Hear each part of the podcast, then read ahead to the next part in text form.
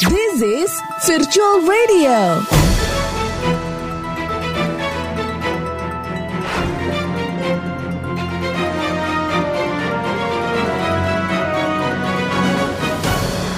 Assalamualaikum warahmatullahi wabarakatuh. Apa kabar Sobat Virtual? Kembali bersama saya Budi Utomo di segmen News of the Month. Tanpa terasa kita sudah memasuki bulan Juli 2022 Berarti kita sudah melewati semester awal tahun ini. Dan Sobat Virtual inilah beberapa peristiwa penting yang terjadi selama bulan Juni 2022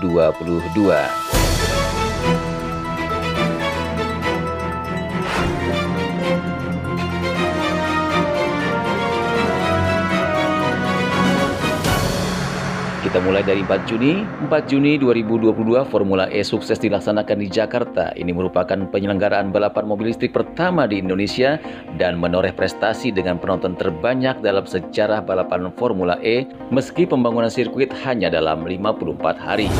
4 Juni Menteri Agama melepas keberangkatan kloter pertama jemaah haji Indonesia di Bandara Soekarno-Hatta. Ini merupakan tahun pertama dibukanya pelaksanaan haji setelah dua tahun ditunda akibat pandemi COVID-19.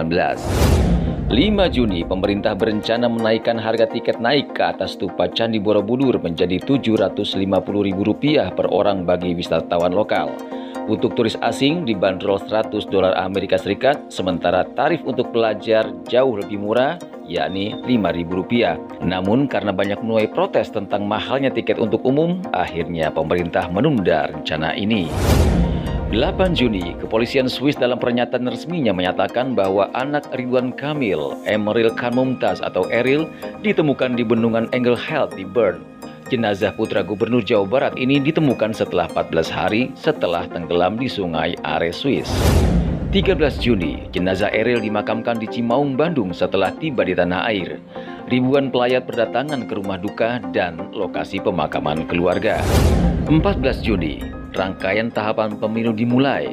Pemerintah, DPR, dan KPU telah menyepakati tanggal pemungutan suara pemilu 2024, yakni Rabu 14 Februari 2024. 15 Juni, Presiden Joko Widodo meresafel kabinet dan melantik dua orang menteri dan tiga orang wakil menteri.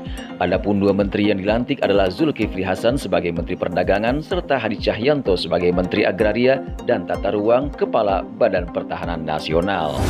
22 Juni, gempa berkekuatan 5,9 magnitudo mengguncang Afghanistan. Korban jiwa diperkirakan lebih dari 1000 orang dan diperkirakan 1500 orang terluka. Gempa ini disebut sebagai gempa paling mematikan dalam dua dekade terakhir di negara yang sudah dihajar oleh perang, kemiskinan, dan kelaparan ini. 26 Juni, Presiden Joko Widodo sebagai Presiden G20 menghadiri undangan KTT G7 di Jerman. Pertemuan G7 kali ini membahas dampak invasi Rusia ke Ukraina yang dikhawatirkan akan menyebabkan krisis pangan global. 29 Juni, Presiden Joko Widodo mengadakan pertemuan dengan Presiden Ukraina Volodymyr Zelensky di Istana Mariinsky, Kiev, Ukraina. Presiden menyampaikan pentingnya penyelesaian damai dan spirit damai tidak boleh luntur. 30 Juni, Usai kunjungan ke Ukraina, Presiden Joko Widodo bertemu dengan Presiden Rusia Vladimir Putin di Istana Kremlin Moskow. Dalam pertemuan itu, Jokowi menyatakan kesiapan Indonesia untuk menjembatani komunikasi antara Rusia Ukraina. Selain itu, salah satu topik yang dibahas Putin dan Jokowi berkaitan dengan sanksi barat terhadap Rusia dan pasokan pangan. Demikian News of the Month kali ini. Sampai jumpa di News of the Month bulan depan. Saya Budi Utomo, Virtual Radio. Stay tune terus ya di Virtual Radio.